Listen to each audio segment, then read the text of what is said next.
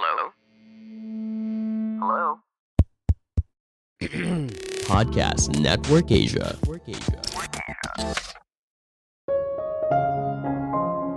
Pekerjaan dapat memberikan kita sebuah tujuan hidup dan bisa membuat kita merasakan berbagai perasaan yang menyenangkan, misalnya pujian dari atasan, kenaikan gaji, dan promosi jabatan.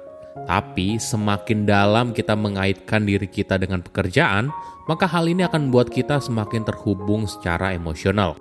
Halo semuanya, nama saya Michael. Selamat datang di podcast saya, Sikutu Buku. Kali ini saya akan bahas buku No Hard Feelings karya Liz Foslian dan Molly West Duffy. Sebelum kita mulai, buat kalian yang mau support podcast ini agar terus berkarya, caranya gampang banget. Kalian cukup klik follow. Dukungan kalian membantu banget supaya kita bisa rutin posting dan bersama-sama belajar di podcast ini. Buku ini membahas bagaimana kita bisa mengatur perasaan kita sendiri di dalam roller coaster dunia kerja. Tempat kerja dunia modern bisa sangat membingungkan karena banyak aturan tidak tertulis yang apabila kita tidak hati-hati akan muncul situasi yang tidak nyaman. Kita diharapkan untuk jadi diri sendiri, tapi jangan terlalu jadi diri sendiri. Kita diharapkan untuk jadi profesional, tapi jangan terlalu kaku. Kita diharapkan untuk bisa menjalin hubungan pertemanan yang baik dengan orang lain, tapi jangan terlalu akrab. Hal di atas adalah segelintir dari banyak aturan tidak tertulis lainnya. Bagi orang yang sudah merasakan kerja profesional, mungkin saja pernah mengalami berbagai perasaan yang tidak menyenangkan. Mulai dari cemburu karena atasan sepertinya pilih kasih, hingga perasaan insecure, panik, dan marah. Ketika kamu menahan diri atau lalai memahami apa yang kamu rasakan, maka hal ini bisa berdampak pada kesehatan mental dan juga produktivitas kerjamu. Saya merangkumnya menjadi tiga hal penting dari buku ini. Pertama, pemimpin yang baik harus bersedia terbuka. Dunia kerja modern butuh interaksi dan kolaborasi antar karyawannya. Kita tidak bisa lagi bekerja dalam kotak masing-masing. Misalnya, karyawan yang bekerja di bidang keuangan hanya fokus di pekerjaannya saja tanpa peduli bagian yang lain. Tentu saja cara ini sudah tidak relevan Seringkali ada sebuah proyek yang melibatkan karyawan dari berbagai divisi. Di sana mereka diminta untuk berinteraksi dan berkolaborasi. Tentunya akan muncul begitu banyak perasaan. Ada informasi yang menarik.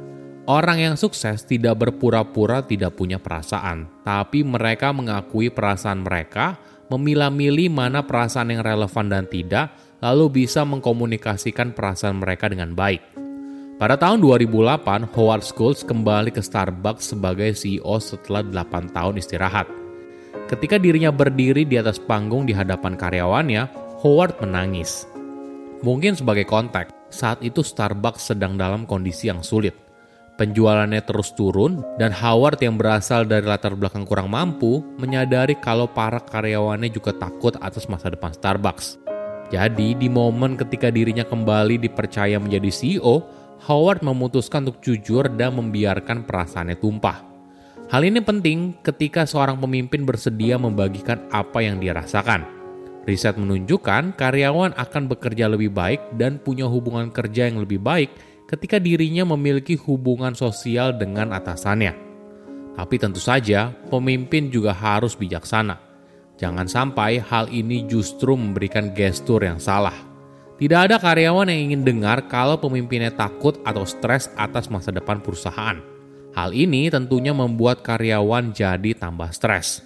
Jadi, ketika air mata Howard tumpah, dirinya tidak hanya menangis, tapi menjelaskan bagaimana rencananya untuk membuat keuangan Starbucks kembali sehat.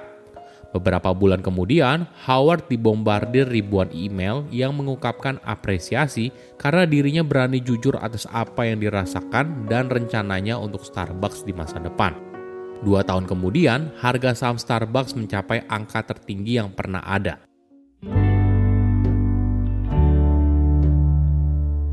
Kedua, keputusan yang baik tidak selamanya harus rasional.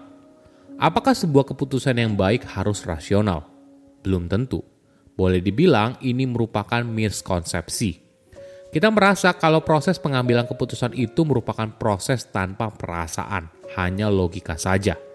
Padahal ketika membuat sebuah keputusan, justru kamu perlu memperhatikan perasaan yang muncul, karena bisa saja itu merupakan sumber informasi yang penting. Intinya, kita harus bisa membedakan mana perasaan yang relevan dan tidak. Sebagai contoh, ketika dirimu mendapatkan sebuah tawaran pekerjaan, apakah jika kamu menolaknya, kamu akan menyesal? Ini adalah perasaan yang relevan karena sangat berkaitan dengan pilihan yang kamu ambil Bahkan ketika kita melakukan refleksi diri dengan perasaan menyesal, justru hal ini bisa membantu kita untuk memahami apa yang sebenarnya membuat kita bahagia. Misalnya, kita mewawancara kerja seorang dalam kondisi lapar.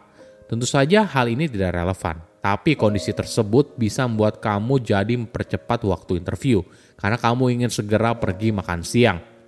Jadi, lain kali ketika kamu ingin membuat sebuah keputusan besar, Coba tuliskan bukan hanya pilihan yang kamu punya, tapi perasaan yang menyertainya, baik yang relevan maupun tidak.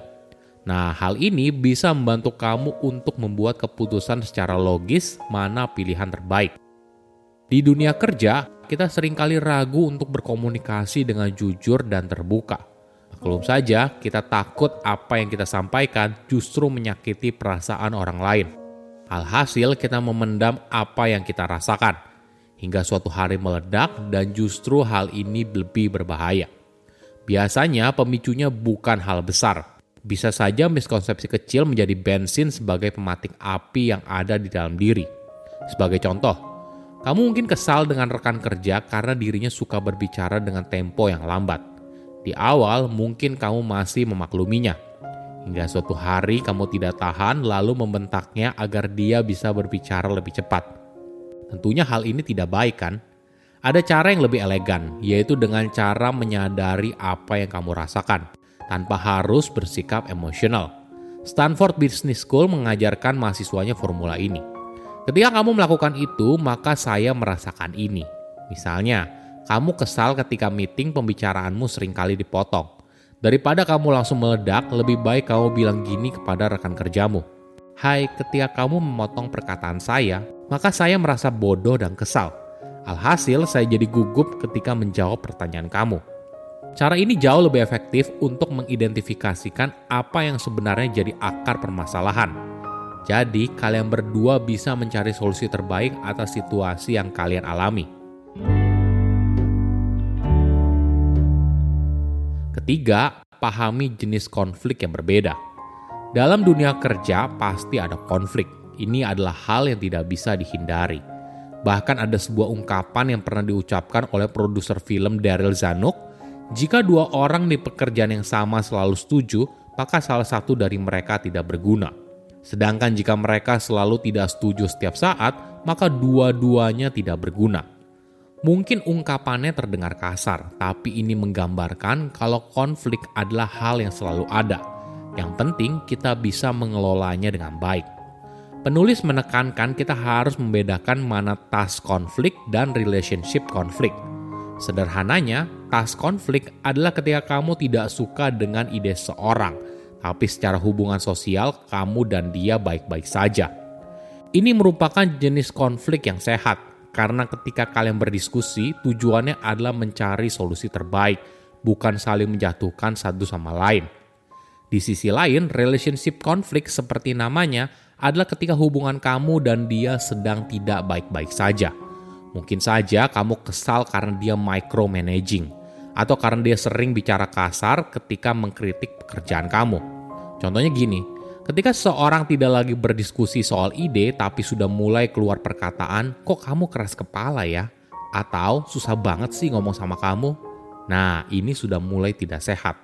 Karena yang dibahas tidak lagi soal ide, tapi personal.